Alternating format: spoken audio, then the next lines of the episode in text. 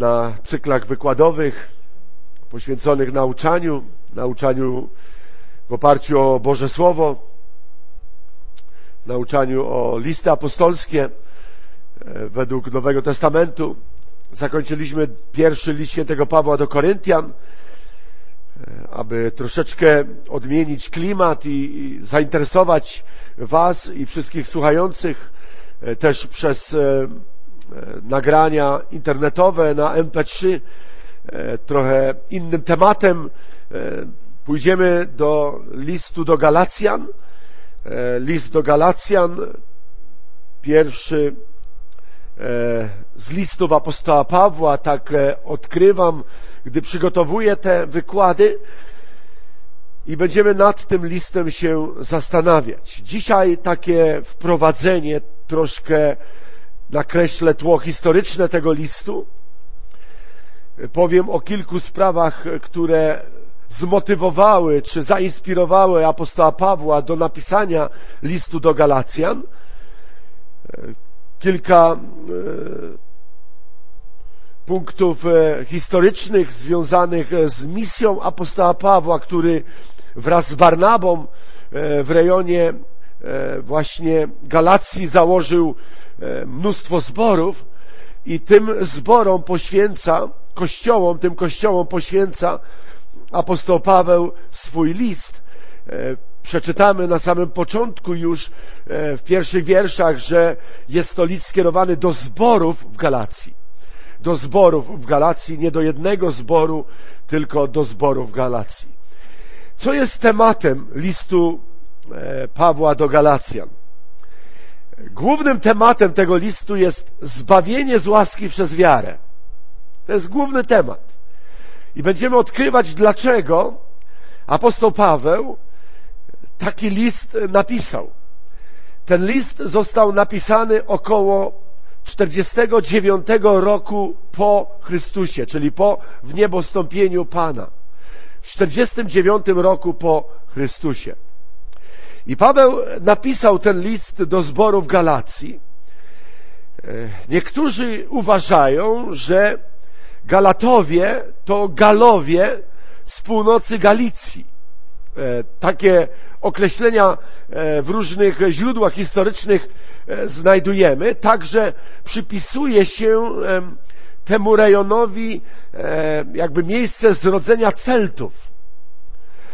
Ciekawy to obszar, ciekawy to rejon, ale bibliści twierdzą, że prawdopodobnie apostoł Paweł napisał ten list do miast południowej części prowincji Galacji, takich miejscowości jak Antiochia Pizdyjska, Ikonium, Listra i Derby.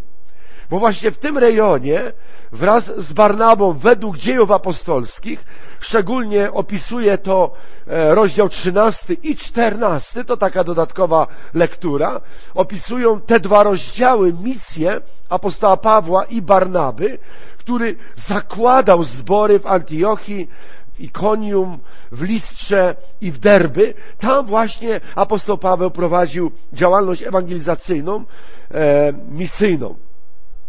E, prawdopodobny okres napisania tego listu, tak jak powiedziałem, to rok 49, e, tuż po powrocie Pawła, e, właśnie z Antiochii Syryjskiej, gdzie został wysłany przez Radę w Jerozolimie. Dlaczego? został wysłany przez Radę w Jerozolimie, dlatego że wśród zborów Galicji, czy wśród Galatów, różne e, cytują historycy czy teolodzy określenia, e, powstał problem. Powstał wielki problem w tych zborach.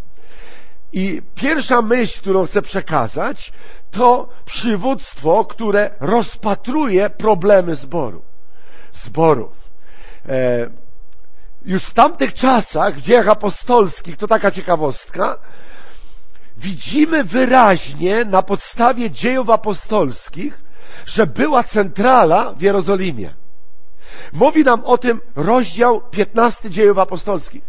Dlatego, abyście też i wiedzieli jako zbór, że Kościół potrzebuje e, zwierzchnictwa, przywództwa. I kiedy powstał problem w zborach e, w Galacji, to wysłano prośbę do Jerozolimy, aby apostołowie, przywódcy Kościoła, spotkali się, zebrali się, aby ten dylemat, ten problem rozwiązać. Dlatego mamy centralę. I to nie jest tak, jak w niektórych kręgach się uważa, że nie ma potrzeby zwierzchnictwa, że nie ma potrzeby centrali, że każdy zbór jest pański. On sam sobie będzie radził i, i, i robił e, to, co uważa według swojego e, powołania, wizji i misji, którą wykonuje. To tak nie było w dziejach apostolskich. To jest duch tego czasu, który przeciwstawia się autorytetom i nie akceptuje autorytetów. Dlatego musimy być bardzo ostrożni w swoich opiniach. W dziejach apostolskich w 15 rozdziale czytamy, a pewni ludzie, którzy przybyli z Judei, nauczali braci, jeśli nie zostaliście obrzezani według zwyczaju mojżeszowego, nie możecie być zbawieni. To był problem, który powstał, który zaistniał w zborach w Galacji. I oto, co się stało. Czytamy, że zgromadził się tłumacze tak nazwali Sobór Apostolski w Jerozolimie. Czytamy o tym w 15 rozdziale, w 6 wierszu. Zgromadzili się więc apostołowie i starsi, aby tę sprawę rozważyć. Nie w Galicji, ale w Jerozolimie. Bo tam było główne to epicentrum przebudzeniowe w tamtym okresie. Tam apostołowie jakoby mieli e, swój e, zarząd, swoje językiem współczesnym mówiąc biuro e, misyjne. I, I z Galicji przyszła wiadomość, że coś złego się dzieje, bo pojawili się nauczyciele, którzy zaczynają nauczać, że trzeba coś do zbawienia dodać, dołożyć. Główne zagadnienie składało się z dwóch pytań. Po pierwsze, czy wiara w Jezusa Chrystusa jako Pana i Zbawiciela jest jedynym warunkiem zbawienia? To było pierwsze pytanie. Nad tym dyskutowali apostołowie w Jerozolimie. I po drugie, czy zachowanie pewnych starotestamentowych żydowskich praktyk i praw jest potrzebne, by zyskać zbawienie w Chrystusie? To było drugie pytanie. I apostoł Paweł, gdy usłyszał o tym, gdy się o tym dowiedział, napisał do zborów list. I wielu biblistów twierdzi, że prawdopodobnie napisał apostoł Paweł list, zanim zebrali się apostołowie w Jerozolimie, aby tą sprawę rozważyć. Apostoł Paweł był tak poruszony, dlatego że jest tam pewien wątek personalny. Gdy będziemy studiować, to zobaczymy, że apostoł Paweł jakby tłumaczy się ze swojego powołania, dlatego że ci nauczyciele, którzy przybyli do Galicji, podważali autorytet apostoła Pawła apostoł Paweł miał w wielu miejscach podważany autorytet, a był takim mężem Bożym. Pojawiali się nauczyciele, którzy oczywiście oni mówili o zbawieniu, o Jezusie, mówili, że trzeba się narodzić na nowo, ale nauczali, że muszą być wszyscy obrzezani według zakonu mojżeszowego. Dokładali coś ze starego prawa, z praktyk żydowskich i dokumentowali, że potrzeba tych dodatkowych rzeczy, aby mieć pełne zbawienie w Chrystusie.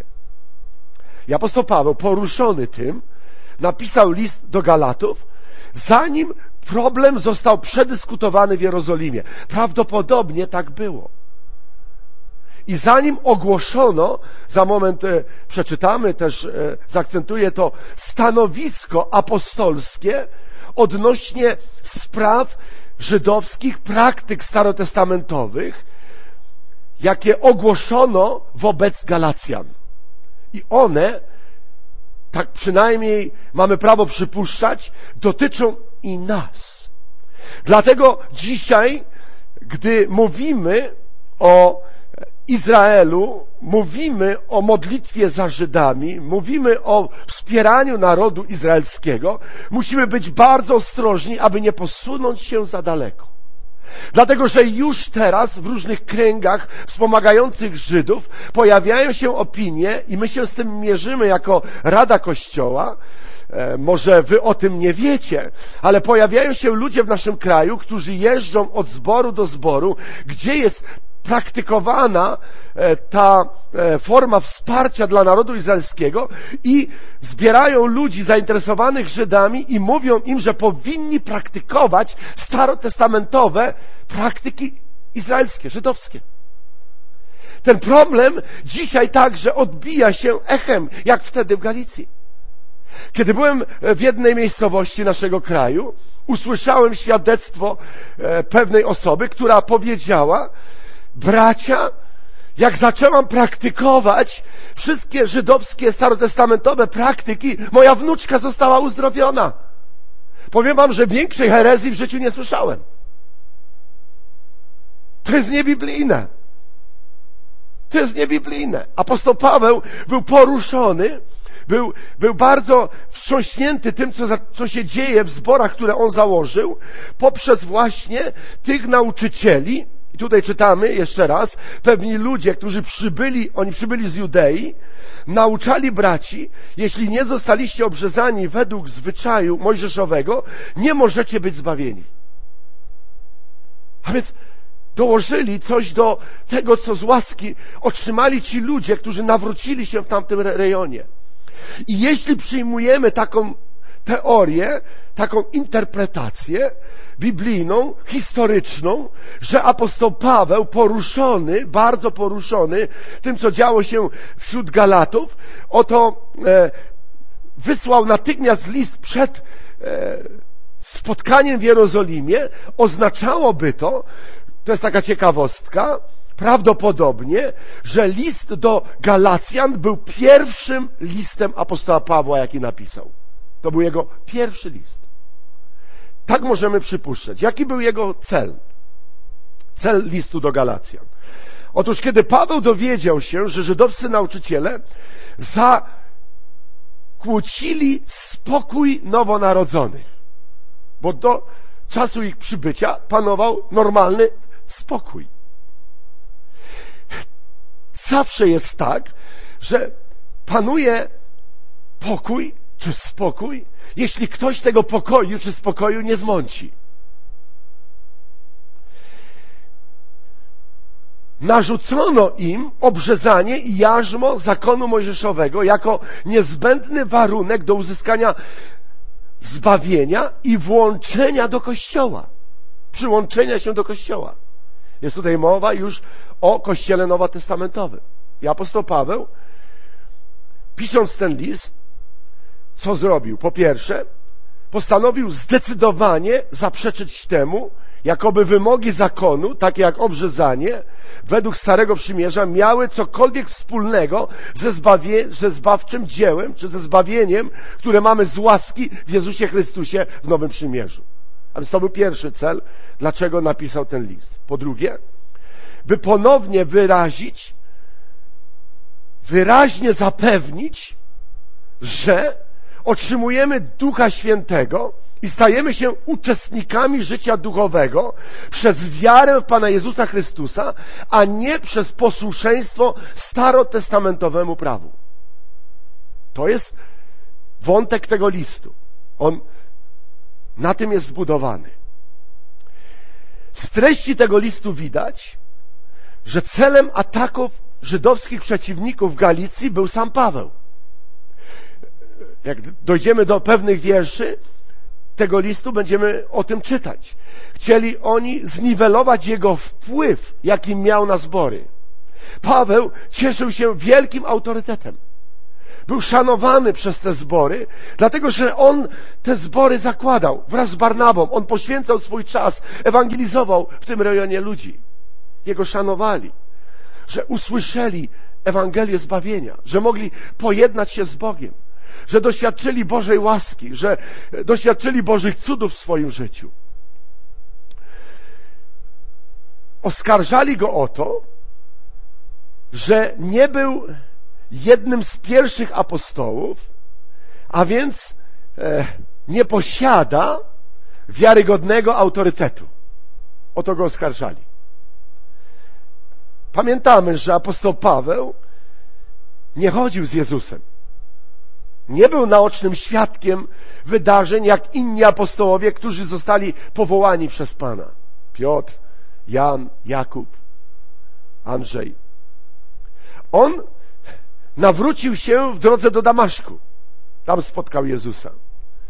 Tam Pan Jezus go powołał i przyłączył do grona swoich sług.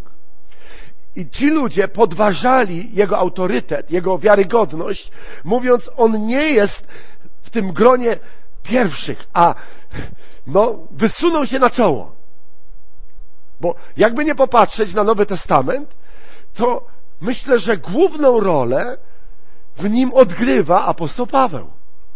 Popatrzcie na listy, które mamy, słowo, które zostało do nas skierowane. Jest to autorstwa Pawła. On napisał najwięcej listów. Piotr, który mm, chodził z Jezusem i wiele doświadczył, e, może nie był tak wykształcony, nie miał takich zdolności e, pisarskich jak Paweł, napisał tylko dwa listy, bardzo krótkie, bardzo mocne, wspaniałe, bo dwa listy Piotrowe są wspaniałymi listami i chwała Bogu, że one są. Pisał je prosty człowiek, rybak, ale apostoł Paweł miał szczególne obdarowanie – mieli mu za złe, że w swoim nauczaniu odstąpił od zasad, praktyk, w których się wychował. Że tak łatwo porzucił wszystko, w czym był od dzieciństwa wychowany, wykształcony i przygotowany do służby. Także zarzucano mu, że skutkiem jego nauczania o łasce może doprowadzić do bezbożnego życia ludzi. A więc ta mentalność zakonu, prawa, e, nad sobą, tego bicza, była tak głęboko e, gdzieś tam w umysłach, e, w mentalności Żydów, że nie mogli się z tym pogodzić, że apostoł Paweł naucza o łasce. Mówi o wolności mówi o zbawieniu w Jezusie Chrystusie i że nic do tego zbawienia nie musimy dodać. Okazało się to dla nich zbyt proste. Jak to tak po prostu?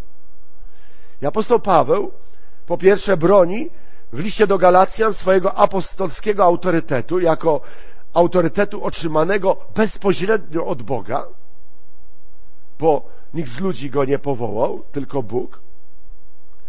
E, w tym e, liście do Galacjan odnajdujemy wsparcie, jakie udzielił mu Jakub, Piotr i Jan. A więc oni stanęli za apostołem Pawłem. Po drugie, bardzo mocno broni Ewangelii zbawienia otrzymanej z łaski.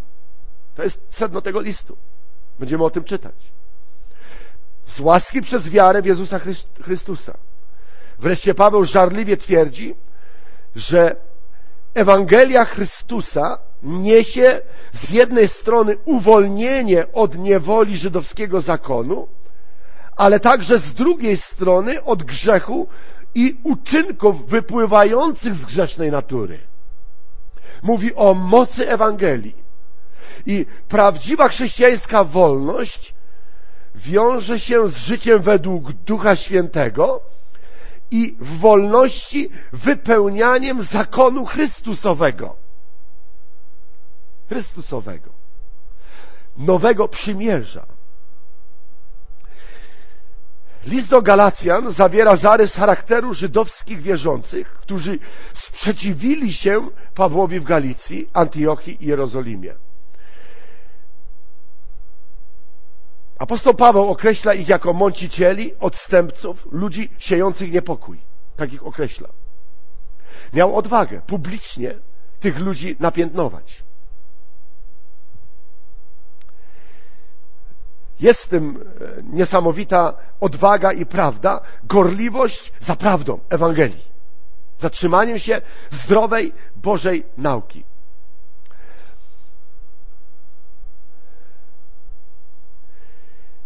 Napomina tych wszystkich, którzy przybyli, aby robić dobre wrażenie, Wiecie dlaczego oni przybyli, aby robić dobre wrażenie?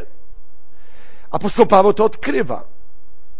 Mówiąc o tych praktykach żydowskich, o powrocie do zakonu mojżeszowego, o obrzezaniu w jednym celu, aby mogli uniknąć prześladowań z powodu zgorszenia krzyżem Chrystusowym. A więc to było pewne zabezpieczenie. Pewne zabezpieczenie. Jeśli nie będę stanowczy, jeśli nie podejmę e, odważnej, radykalnej decyzji pójścia za Jezusem, a włączę w moje życie z Chrystusem praktyki żydowskie, to zabezpieczę się przed prześladowaniem z powodu krzyża. Bo ja jestem praktykującym Żydem. A tutaj apostoł Paweł głosi radykalną naukę i naucza, że wyzwolenie w Jezusie Chrystusie jest pełnią naszego zbawienia. Że krzyż jest stanem końcowym. Że to, co dokonało się na krzyżu, jest wystarczające dla pełni naszego zbawienia i nic do zbawienia nie musimy dodawać. Cechy szczególne tego listu. Jest to najżywsza, tak to określę, w Nowym Testamencie obrona prawdziwej natury Ewangelii. List do Galacjan. Jest takim najżywszym obrazem obronnym, który broni Ewangelię. Ton listu, gdy uważnie go przeczytamy, ton listu jest ostry, gwałtowny i natarczywy. Takie elementy w tym liście można odczytać. Gdy Paweł rozprawia się z błądzącymi oponentami i gani Galatów za ich łatwowierność. Dzisiaj przeczytamy taki wiersz. Ostry. A wiecie, który to wiersz? Jeśli ktoś głosi inną Ewangelię, niech będzie co? No, czy tylko w kościele katolickim był? Muszę uważać, bo to się nagrywa. Różni ludzie słuchają. A więc apostoł Paweł w sposób ostry, gwałtowny, natarczywy. Ale to jest bardzo ciekawy wiersz. Za chwilkę do niego wrócimy, do niego się odniesiemy. To jedynie, to jedyny list obok drugiego listu do Koryntian, zawierający elementy autobiograficzne Pawła. Takie ciekawostki wam podaję. Drugi list do Koryntian i list do Galacjan, apostoł Paweł jakby odkrywa swoją autobiografię. Mówi o sobie, mówi o swoim powołaniu, mówi o tym, kim był, kim jest i tak dalej. Te dwa listy naj, najbardziej przejrzyście to opisują. Ten list Pawła adresowany jest wyraźnie do wielu zborów, nie do jednego zboru. Na przykład wstęp e, listu apostoła Pawła do Efezjan brzmi do zboru w Efezie. Liczba pojedyncza. Natomiast jeśli chodzi o list do Galacjan, jest wyraźnie zaznaczone do zborów w Galacji. Do zborów. Do wielu zborów w tym samym czasie. Co jeszcze? Zawiera listę owoców ducha, jak w żadnym innym liście. W liście do Galacjan. Dlatego, że apostoł Paweł broni mocy i siły Ewangelii. I pokazuje, wskazuje nam, że dzięki Bożej łasce, dzięki mocy krzyża, człowiek nie musi być pod zakonem, nie musi być pod prawem mojżeszowym, a jest w stanie wydawać owoce Ducha Świętego. Dzięki życiu Bożemu w sobie. I także jest najobszerniejszy w Nowym Testamencie spis uczynków wypływających z grzesznej natury. Najobszerniejszy. W żadnym innym fragmencie Nowego Testamentu nie jest tak wyraźnie wskazane, co to są e, uczynki starej natury, jak w liście do Galacja. Taka ciekawostka aby przeczytać cały Nowy Testament w ciągu jednego roku,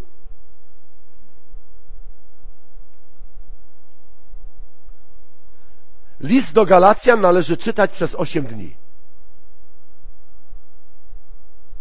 Taka ciekawostka. Ktoś tak to rozpisał. A więc, jeśli 8 dni będę czytał list do Galacjan, to znaczy 8 dni w tym kontekście, że nie czytam Bożego Słowa jak powieść, jak jakąś książkę, jak e, wspaniały opis historyczny, ale czytam list do Galacjan jako Słowo Boże skierowane do mnie i poświęcam i poświęcam czas na jego rozważanie, rozmyślanie nad nim, to ktoś obliczył, że dzieląc ten list, aby mniej więcej tak równo na co dzień mieć pokarm Bożego Słowa, potrzebuje ośmiu dni. I w tym kontekście dalej rozwijając czytanie Nowego Testamentu, e, te osiem dni właśnie w ciągu roku potrzebuje na list do Galacjan, żeby przeczytać cały Nowy Testament. Łącznie z, Ewangelia, z Ewangeliami. Ale to taka ciekawostka i, i to nie jest e, temat na naszych e, rozważań. Otwórzmy pierwszy rozdział. Dzisiaj omawiamy dziesięć wierszy. Pierwszy dziesięć wierszy. Jeśli macie Boże Słowo.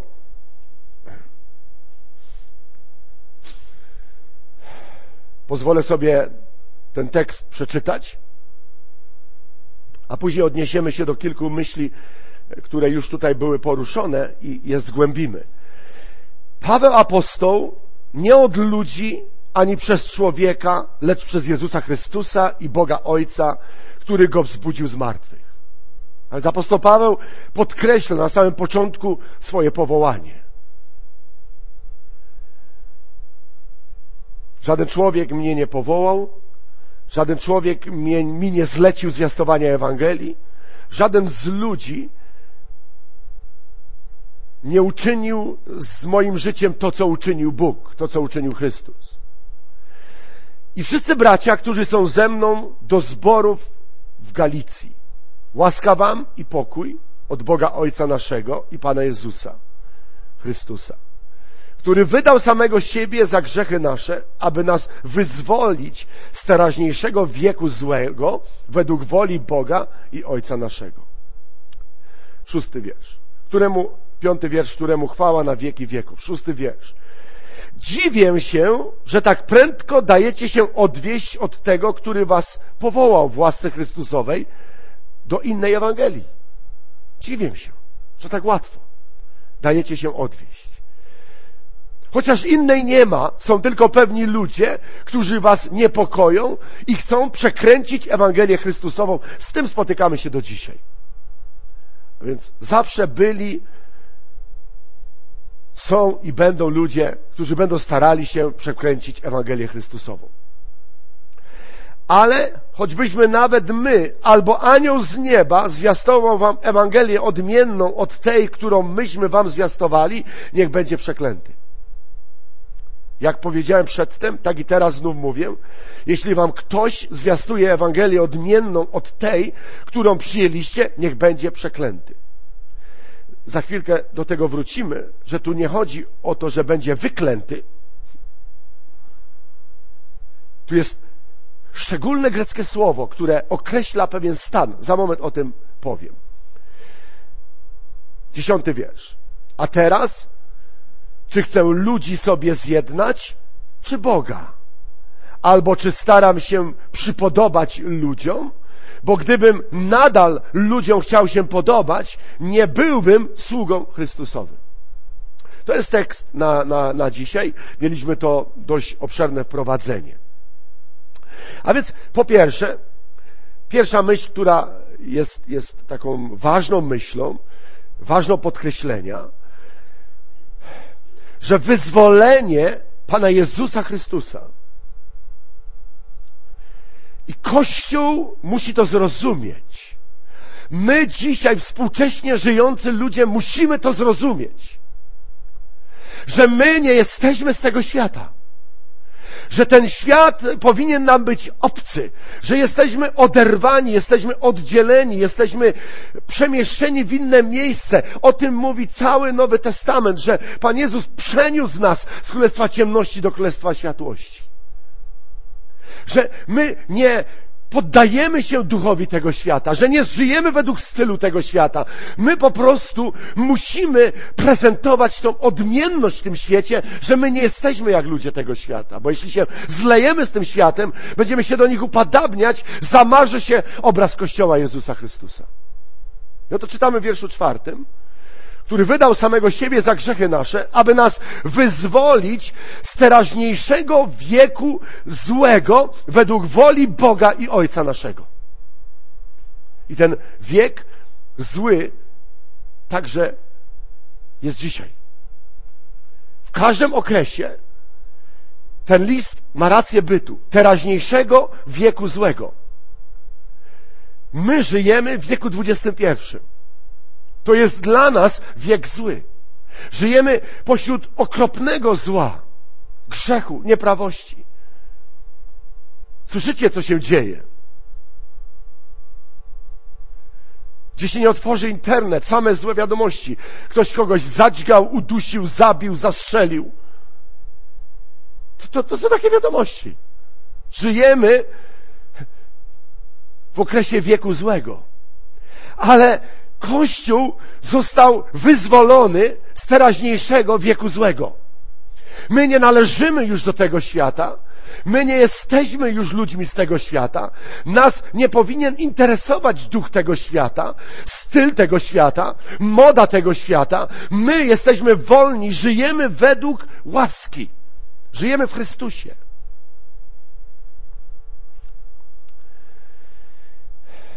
Kiedy w dziejach apostolskich Piotr zwiastował ta pierwsza ewangelizacja w Jerozolimie, pamiętacie? Piotr z odwagą stanął i zaczął głosić. Było takie wielkie poruszenie. E, to był fenomen zwiastowania słowa. Nie było żadnego spektaklu, żadnej pantomimy, nie było żadnej grupy rokowej, nie było żadnego nagłośnienia, nie było niczego.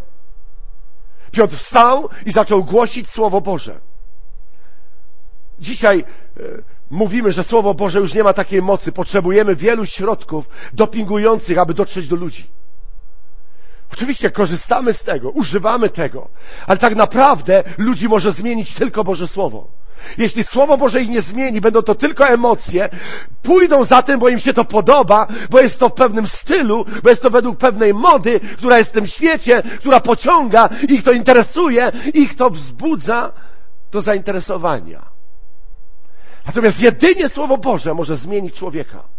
Jedynie Ewangelia może przemienić ich wnętrze. I co się stało, kiedy Piotr zwiastował? Oto ludzie zaczęli krzyczeć. Mężowie, bracia, co mamy czynić, abyśmy byli zbawieni? Pamiętacie ten fragment?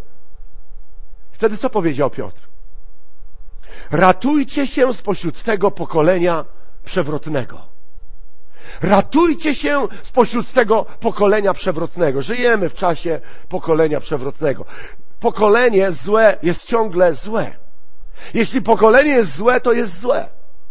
To nie jest lepsze zło i gorsze zło. Jest po prostu zło, jest złem. Pokolenie jest przewrotne. Ludzie, którzy uwierzyli, mają żyć dla Boga, nie pozwalając, aby kierowały nimi świeckie wartości, świecka mądrość, świeckie poglądy, złe namiętności i egoistyczne przyjemności ludzi tego świata. Dlatego mówimy o prawości serca. Dlatego usługiwałem tydzień temu o prawości serca i będę tą niedzielę usługiwał na temat prawości serca. Bo żyjemy na krawędzi. Tak wyraźnie to jest odczuwalne we wielu kręgach, jak diabeł wychodzi czasami jak anioł światłości ze zdwojoną siłą, aby mieć władzę, aby mieć miejsce w nas, ale my mamy mu sprawić co? Zawód. Nie dawajcie diabłu przystępu ani odrobiny, ani skrawka, ani momentu, ani chwili, ani części swojego życia. Wtedy jedynie możemy żyć w prawości.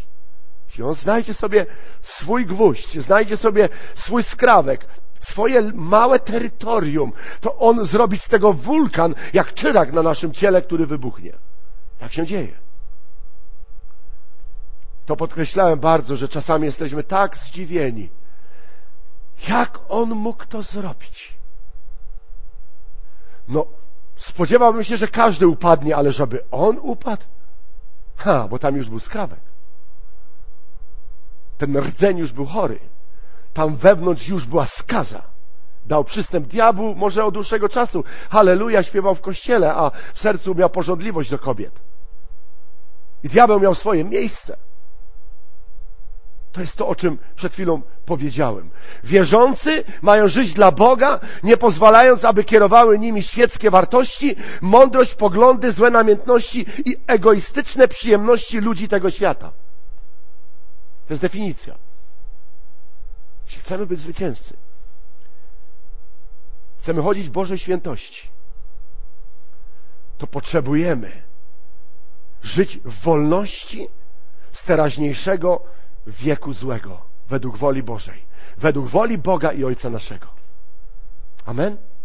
To jest pierwsza myśl, którą chciałem zaakcentować z listu do Galacjan apostoła Pawła, który napisany jest także do nas. Druga myśl to te dwa wiersze.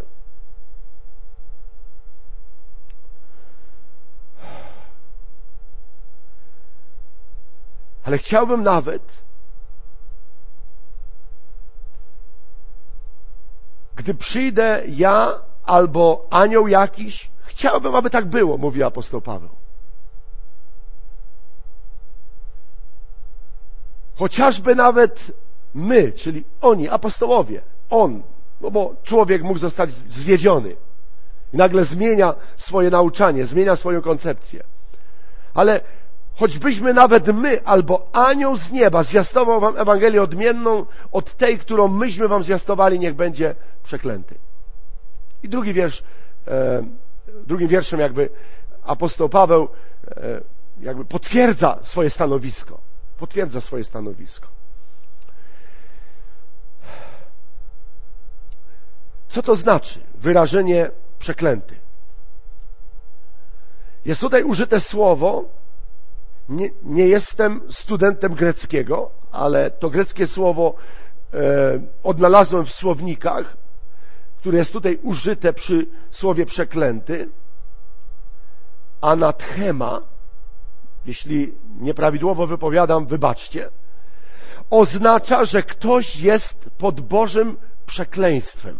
To jest greckie słowo. Ciekawe. Bo my ciągle Boga widzimy jako tego, który błogosławi. Co to oznacza? Jest skazany na zniszczenie i doświadczy Bożego gniewu oraz potępienia w dzień sądu.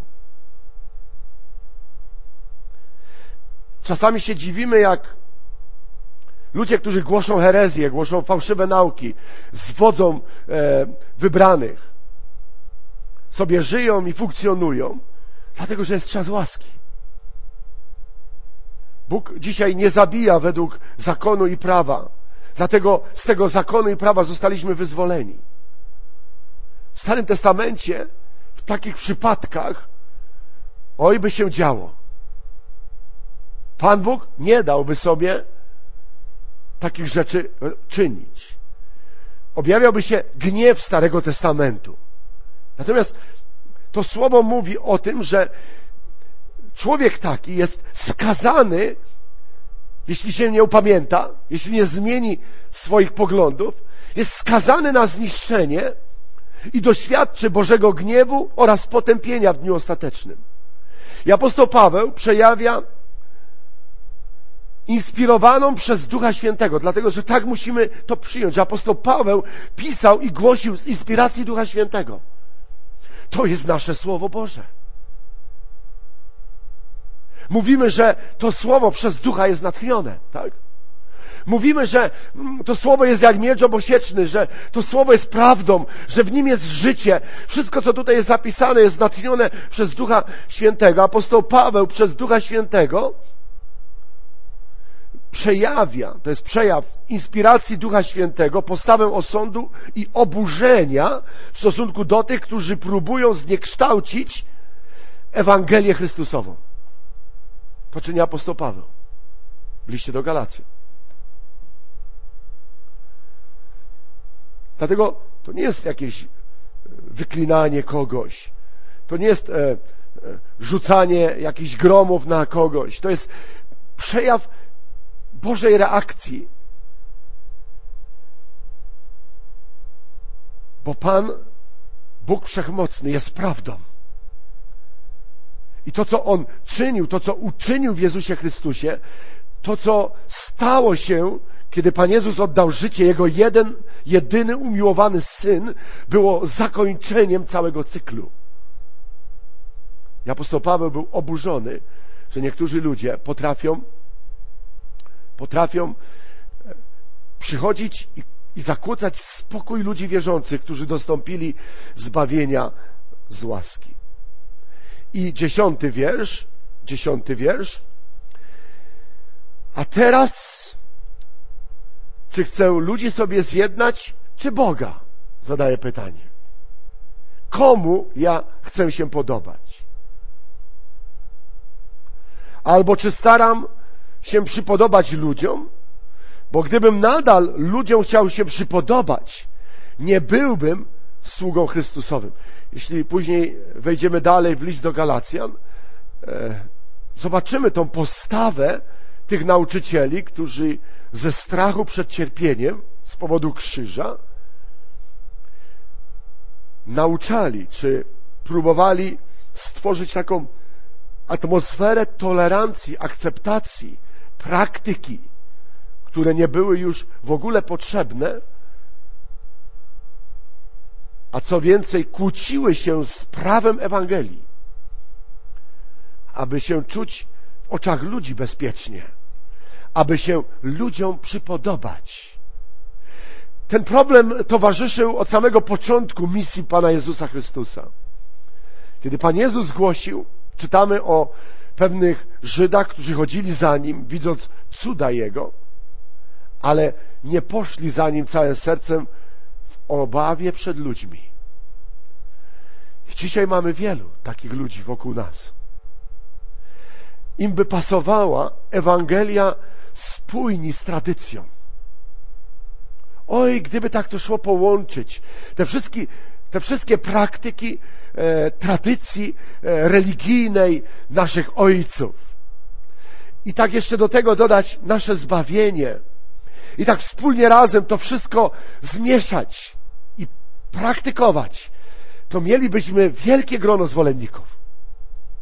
Naprawdę. Jeśli by mogli i my byśmy praktykowali obrzędy, tradycje e, współczesnego Kościoła, dodając je do zbawienia jako rzeczy, które potrzebne są, aby tworzyć Kościół, aby być ludźmi zbawionymi, mielibyśmy tłumy. Gdybyśmy głosili z taką charyzmą, jak głosimy, gdybyśmy e, modlili się tak, jak się modlimy, gdybyśmy odwiedzali ludzi tak, jak odwiedzamy, usługiwali sobie tak, jak usługujemy, ale do tego wpleść jeszcze całą tradycję. Wtedy uniknęłoby się cierpienia, wyrzeczeń, Oj, byłoby super. Gdybyśmy tolerowali pewne rzeczy, jak w tradycyjnym chrześcijaństwie się toleruje. Gdybyśmy e, mieli takie te uczty sabatowe, jak to było wśród Żydów, oni, oni za tym tęsknili. Wiecie, w tej praktyce żydowskiej to były niesamowite. E, oczywiście miało to ten wątek religijny, że były e, e, przy tym modlitwy, e, był zakon, było zwracanie się do ksiąg Starego Testamentu, ale też były uczty, e, było wino, były przyjemności, e, no i wszystkie te zwyczaje, które praktykowali, oni chcieli z powrotem włączyć, że wśród tych wszystkich Żydów, którzy tam mieszkali i byli, e, mieć, mieć wśród nich przychylność, podobać się im, może ich zainspirować. Dlatego i dzisiaj Musimy stanąć na naszym stanowisku. Jestem całym sercem, żeby modlić się o Izrael. Jestem całym sercem, aby e, Izrael wspierać, bo to jest naród wybrany, aby modlić się o nich, aby znać ich kulturę, znać ich przeszłość, aby ją przybliżać Kościołowi, aby Kościół też był e, nie antysemicki, ale aby był sprzymierzeńcem Izraela, aby się modlił o Izrael, ale nie możemy przejąć teraz starotestamentowych zwyczajów i zacząć je praktykować w chrześcijaństwie jako dodatek do naszego zbawienia. Tak samo jak nie możemy przejąć I nie możemy przyjmować wszystkich zwyczajów z religii współczesnej, współczesnego chrześcijaństwa, z którego wyszliśmy, aby je z powrotem praktykować pośród nas. Oczywiście ten wątek odrzucenia, drwin, prześladowania natychmiast się pojawia. Kiedy my nie przyjmujemy tych rzeczy, jeśli stanowczo mówimy nie, wtedy się narażamy. Wtedy już nie jest nam tak łatwo, nieprawdaż? Wszyscy to przeżyliśmy. Ale jestem głęboko gdzieś tam wewnątrz przekonany, gdybyśmy dołożyli te wszystkie praktyki, kulty, które mamy, sakramenty, które ludzie znają od dzieciństwa, gdybyśmy to wszystko dodali do naszego życia zborowego, kościelnego, mielibyśmy wielu zwolenników. Bo ludzie już by mogli podobać się innym, zjednaliby sobie innych. Nie było trzeba by wyrzeczeń, nie było trzeba by postawy stanowczej, że jestem sługą Chrystusowym i te rzeczy są już mi obce. A więc te myśli chciałem Wam dzisiaj przekazać i wierzę, że list apostoła Pawła do Galacjan wiele wniesie w nasze życie. Kiedy będziemy studiować list do Galacjan, dotkniemy zasad prawa, bo prawo jest nam potrzebne. Bóg jest Bogiem porządku. Nie możemy e, odsunąć zasady. Prawo Chrystusowe. Pan Jezus to prawo ustanowił. On nie przyszedł znieść zakon, ale zakon przyszedł wypełnić. A więc On wniósł taki duchowy porządek w nasze życie. I, i, I kiedy byśmy powiedzieli, że nie ma prawa, nie potrzebujemy już Bożego porządku, zasad Królestwa Bożego, mamy totalną wolność, to powstanie niesamowity chaos i bałagan.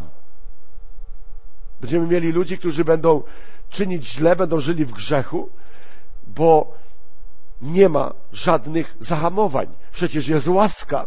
A więc, e, czy będę jeździł cały czas pod prąd, wystarczy, że przyjdę i pomodlę się o przebaczenie i Bóg mi wybaczy i znów będzie wszystko dobrze i znów będę mógł żyć sobie normalnie na drugi dzień. Ale kiedy jest prawo, zasada, to w duchowym wymiarze utrzymuje moją duchową dyscyplinę. Ja to chcę pokazać na różnych takich przykładach. Na grupie ostatnio o jednym mówiłem, że to, że miałem przychylność rodziców, mamy przychylność rodziców i łaskę rodziców, bo oni się o nas troszczą, wychowują, starają, nieprawdaż? To nie zwalnia mnie z przestrzegania porządku i prawa, które one, oni ustalają. I niektóre zasady były z góry ustalone. Jak chociażby te, nie wkładaj dwóch drutów do gniazdka elektrycznego. No ale ja żyję w łasce, nie? Rodzice się o mnie troszczą, oni wybaczają. A więc co stoi na przeszkodzie, żeby te druty tam wsadzić? No ale rodzice robili to w pewnym celu, aby mnie ustrzec. Aby mnie ustrzec. Nieprawdaż? Na innej grupie w tym tygodniu mówiliśmy o pewnych zasadach które powinny panować w kościele, a szczególnie wśród młodych ludzi.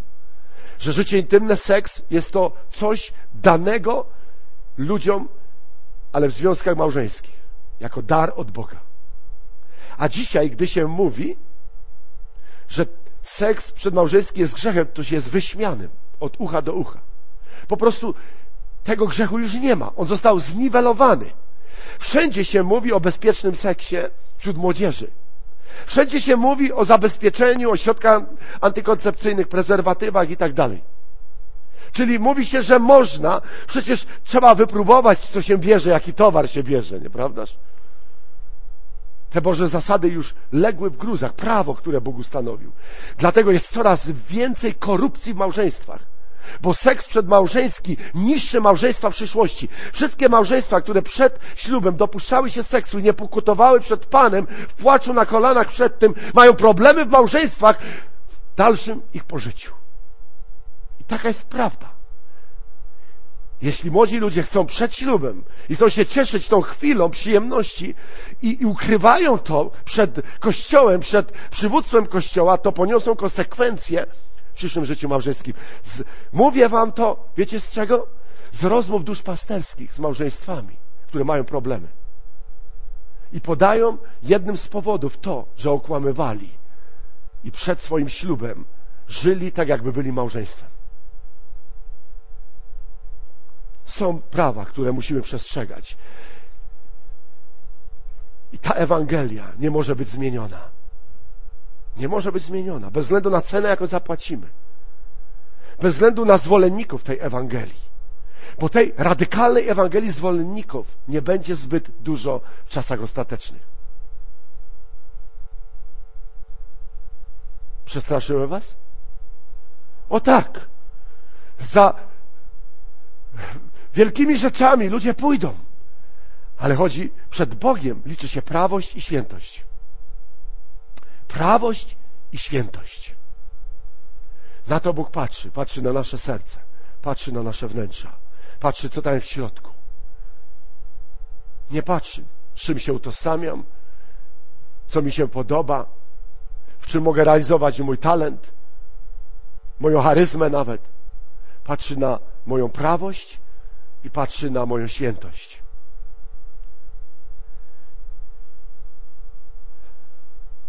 Ciekawe jest to, to jest bardzo ciekawe, jeśli patrzy się na historię Kościoła, bo były różne okresy. Był taki okres, który szacuje się na lata 60., 70., kiedy niesamowicie rozwinął się ruch uświęceniowy w kościołach na świecie, ruch uświęceniowy. I wiecie, co wtedy było szczególnego w tym okresie ruchu uświęceniowego? Działo się najwięcej cudów. Uzdrowień i różnego rodzaju cudów, które zadziwiały świat.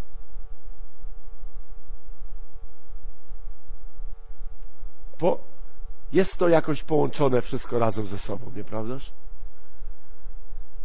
Pan pragnie nam błogosławić. Pan pragnie się manifestować. Pan pragnie, abyśmy byli prawi, święci przed Jego obliczem. Ale także, abyśmy nie żyli pod jarzmem zakonu, ale aby ta prawość i nasza świętość wynikała z miłości do Boga, którą mamy. I przeżyć z Nim, ze społeczności z Nim bo wtedy będziemy oglądać Jego chwałę. Mamy pełnię w Jezusie. Podziękujmy za to Bogu. Podziękujmy za to Bogu. Mamy pełnię w Jezusie. Powstańmy, aby Bogu podziękować.